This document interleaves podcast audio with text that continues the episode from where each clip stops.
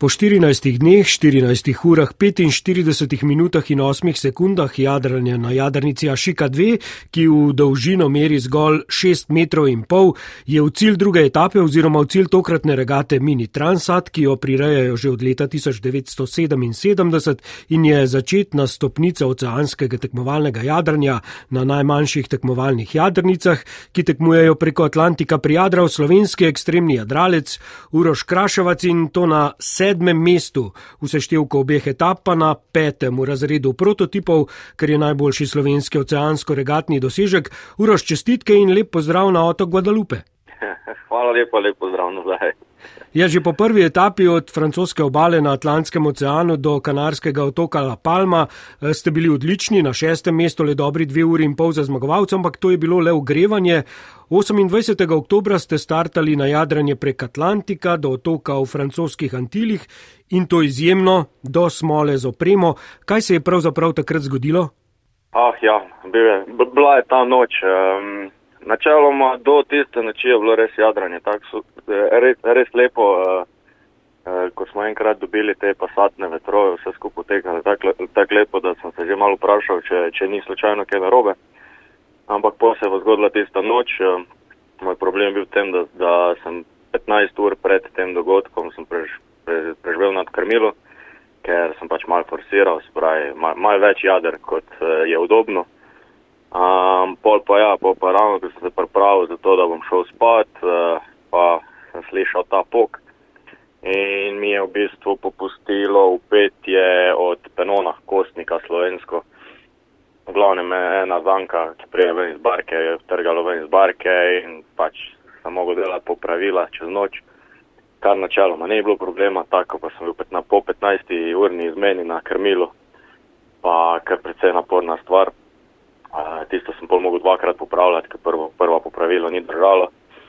Uh, sem pa zgubil tam približno eno noč in dan, uh, sem bolj plutal kot jadro, da sem to popravil. Uh, ampak ja, po, ko mi je enkrat po pravilu uspelo, sem spet rabo se nekaj časa, da sem spet totalno zaupal, pravi, da sem šel nazaj na 100% uh, obremenitev, ampak uh, je druga, to drugo popravilo je držalo in pol pač sem jadral dalje. No, potem ste spet začeli loviti tekmece, na koncu ste v drugi etapi opravili 3039 nautičnih mil, kar je 480 mil več od teoretične razdalje tega drugega dela, ampak zgovorna je predvsem vaša povprečna hitrost, 8,7 vozla, eh, zelo hitro je šlo, kaj ne, kljub temu, da ste eh, opisali, kaj vse se je dogajalo. Ja, mislim, moram priznati, da sem barko v bistvu teral na maksimalno, ker naprej uh, vseeno pač to je prednost teh starejših preizkušenih bark. Moja barka vlača z Atlantik že šestkrat, pač veš, da načeloma bo zdržala, zato sem, se, sem upal, uh, sem upal forsirati na polno. Uh, to se pozna, ja, to se pozna pol tudi pri poprečni uh, brzini. Je pa res, da sem delal malo daljšo pot, predvsem zato, ker sem sledil našemu rutingu, ker smo ga pripravili predčasno. Što se je bil na tej, tej, tej drugi etapi na koncu, severna, srednja ali pa južna pot so se srečale zelo blizu skupaj. Se pravi, razlike med različnimi rutingi so bile zelo male. In konc koncev se je izkazalo za najboljšo, v bistvu najbolj direktna ruta. Je bila pa ta ruta pač tvegana, zaradi tega, ker po pričakovanjih je bilo, da bi se znalo zgoditi, da ostane ta srednja ekipa v brezveterju zato pa ta daljša pot. Ne. Ja, ampak eh, po bitki je lahko biti general, ne bi lahko rekli. Eh, ja, Kako je bilo ja, pa s spanjem? Ja, ja. Eh, temu segmentu ste pred odhodom na regato, na kateri ste potem odrezani od ostalega sveta, nimate nobene možnosti komuniciranja, posvečali veliko pozornosti. Kako je bilo s spanjem? Spanje moram reči, da imam kar srečo. Nekako smo naredili par teh, par teh testov pre, pred odhodom. Ja, ugotovili smo, da dejansko 20-minutnih intervaljev so dovolj, dovolj za mene, da upravim vse faze spanja, globoko spanje, rem fazo, mislim, vse štiri faze spanja. In uh, tako tak, da načeloma s spanjem nisem imel problemov, je pa res, da sem pol tisti dan po tistem mojem zapletu s tem ropajem, s tem upetjem kanona, uh, sem pol, nas, sem pol v bistvu uporabil za to, da sem se res dobro naspal, dobro najedel in pol v bistvu kot, kot nekak drugič štartal. Po tem dogodku. No. Ja, koliko ste potem povprečno spali, recimo dnevno? Ma dnevno povprečju tam 5 do 6 ur, ampak uh, nikoli več kot pol ure. Pač vedno se zbujam v intervalih na 20 minut do pol ure, zato da se vse pre, preve, da preveriš jadra, trim, uh, EAS, se pravi okolico in pogreš nazaj spat. Tako da več kot pol ure v kosu nikoli, ampak v teh intervalih pa tam v povprečju 5-6 ur na dan. Se zdaj tudi zbujate na pol ure? O ne, o ne. ne. Je ni stvari, ki bi me zdaj zbudila, ko sem enkrat v posli. Ne, ne. uh, omenili ste tudi hrano, um, na barki ni hladilnika, tako da je bila v igri dehidrirana hrana, za drugo etapo ste lahko imeli 140 litrov vode, dodatnih 9 litrov pa je zapečatenih v posodi za izredne razmere in če jo slučajno odprete, pride do kazanskega pribitka, kako pa je šel ta del regate, torej eh, del hranjenja? Uh, kar se vode tiče, spet, uh, mislim, jaz, jaz dejansko pijem zelo malo. Jaz sem, jaz sem porabil vsega skupaj slabih 30 litrov vode, sabo sem jih imel 70, pa sem jih pol na pol že v bistvu odtakal. Uh, je pa res, da te, te kanistre z vodo uporabljamo tudi za balaste, tako da jih pol vmes, kadar rabi, kadar je več vetra, jih filamo slano vodo. Uh, Eh, kar se pa hrane tiče, pa sem imel to srečo, da smo dobili sponzorsko od Turmata te dehidrirane vrečke. Ja. Eh, planira se v poprečju dve, tri vrečke na dan. Stvar je zelo enostavna. Imaš eh, jet boil, to je tak mali grelnik, kjer zagreješ 2-3 deci vode, vliješ v vrečko, počakaš 8 minut in imaš v bistvu topo obrok. In moram priznati, da tudi po teh 14 dnevih še vedno te obroki so bili čist čisto v redu za jesti, še, še vedno jih imam rad, tako da očitno so dobra stvar. No. ja, dober podatek, še vedno jih imate radi. Eh, kdaj vam je bilo tako, pa najtežje? Tako. Eh, zadnjih 40 ur plovbe vam ni več deloval avtopilot, tako da ste morali biti vse čas za krmilom? Ja, to je bil definitivno najtežji del. Pač, ja, tam 300 mil do cilja približno se mi, mi odpadlo. Uh, Eh, škatlica od elektronike izpod, izpod stropa, ker je binglana na kablih, je pač voda, ki ga plaje iz stropa, prišla noter eh, in je, mi je v bistvu uničilo povezave.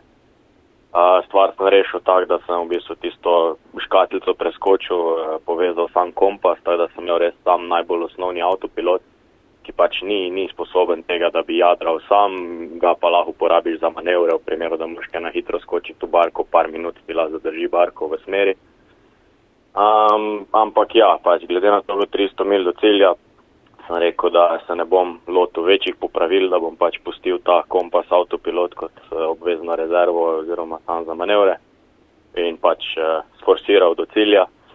To je bilo pač 30 ur, v teh 30 urah sem sam enkrat v bistvu spustil ta veliko jadro, to da sem zaspal za, za, za eno uro, dvakrat po pol ure, v ostali čas sem preživel pa na krmilu kar se je mal poznalo po moji utrujenosti, tudi da sem začel delati napake, pač manevri so ratali zelo slabi, tudi enkrat vmes sem spregledal en skol, en sunek vetra, ki me je kar lepo položil, pa sem mogel ene deset minut počakati, da je minil, da sem lahko nadaljeval. Uh, predvsem pa je, je file psihično blazno naporno. Po eni strani imaš občutek, da si že tam, po drugi strani je pa to pol 33 ur, ki minevajo blazno, blazno počasti. Ja, si predstavljam.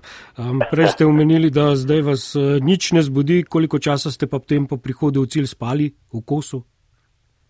Uh, mislim, najprej sem spal že malo tam, že malo tam na pomolu, neplanirano. Ne Pol, po, pa, ko so enkrat v posli, pa smo odspali na 12 ur, res da s časovno razliko, pa vsem uh, imamo vsi malo težav s spanjem, tu vsi se zbujamo blazno zgodaj zjutraj in ne moramo nadaljevati, ker je, mislim, zgodaj, zgodaj je svetlo in uh, uh, je mal drugačen ritem, ki se ga moramo še mal navaditi. Ampak drugače pa ja, definitivno prvo noč sem spal, ne 12 ur v kosu. Ja. No, skupno peto mesto je torej najboljši slovenski oceansko-regatni dosežek. Kaj zdaj, če pogledate v bližno in daljno prihodnost? Enkrat ste izjavili, da je ena od vaših vrlin pohorska trma, uh, verjetno se zdaj ne boste kar tako ustavili. Ne? Ne, bolj kot ne, vsi člani ekipe, vsi, ki pomagajo, se strinjamo, da nam te stvari očitno kar, kar grejo in da bi z veseljem nadaljevali. Uh, je pa, sledijo pa zdaj pač uh, sestanki z investitorji, potencijalnimi sponzorji, sponzorji, ki so nas že podprli, koliko so, koliko so pripravljeni nadaljevati in podobno. Uh, plan, opcij planov je zaenkrat več. Razmišljamo o potencijalnem novi kampanji Minija, kjer bi štartali na prva tri mesta pa polje druga opcija je klasa Figaro, ki je močna francoska klasa, monoklasa, kjer so vse barke enake, pa pol potencijalna opcija tudi klas 40, se pravi večje barke. Zaenkrat je vse odprto, no. do zdaj nismo delali nekih večjih planov, moramo se pa vse z marsikom, da opcije, finančne, časovne in bomo videli dalje, je pa definitivno nikoli več storija. Ja, se predstavljam. Um, verjetno pa delajo plane vaši domači, kdaj vas pričakujejo doma? Uh, ja, tu imamo malo problema, zato ker zdaj tu čakamo, da bomo naložili um, tovorno ladjo, da grejo barke nazaj. Moramo počakati do momenta, ko bo to vse organizirano, tako da po vsej verjetnosti konec novembra, začetek decembra se vračamo. No, v tem času pa uživajte, naspite se, hvala za pogovor in lepo zdrav na drugo stran Atlantika, Uroš. Najlepša hvala tudi vam in pozdrav z druge strani.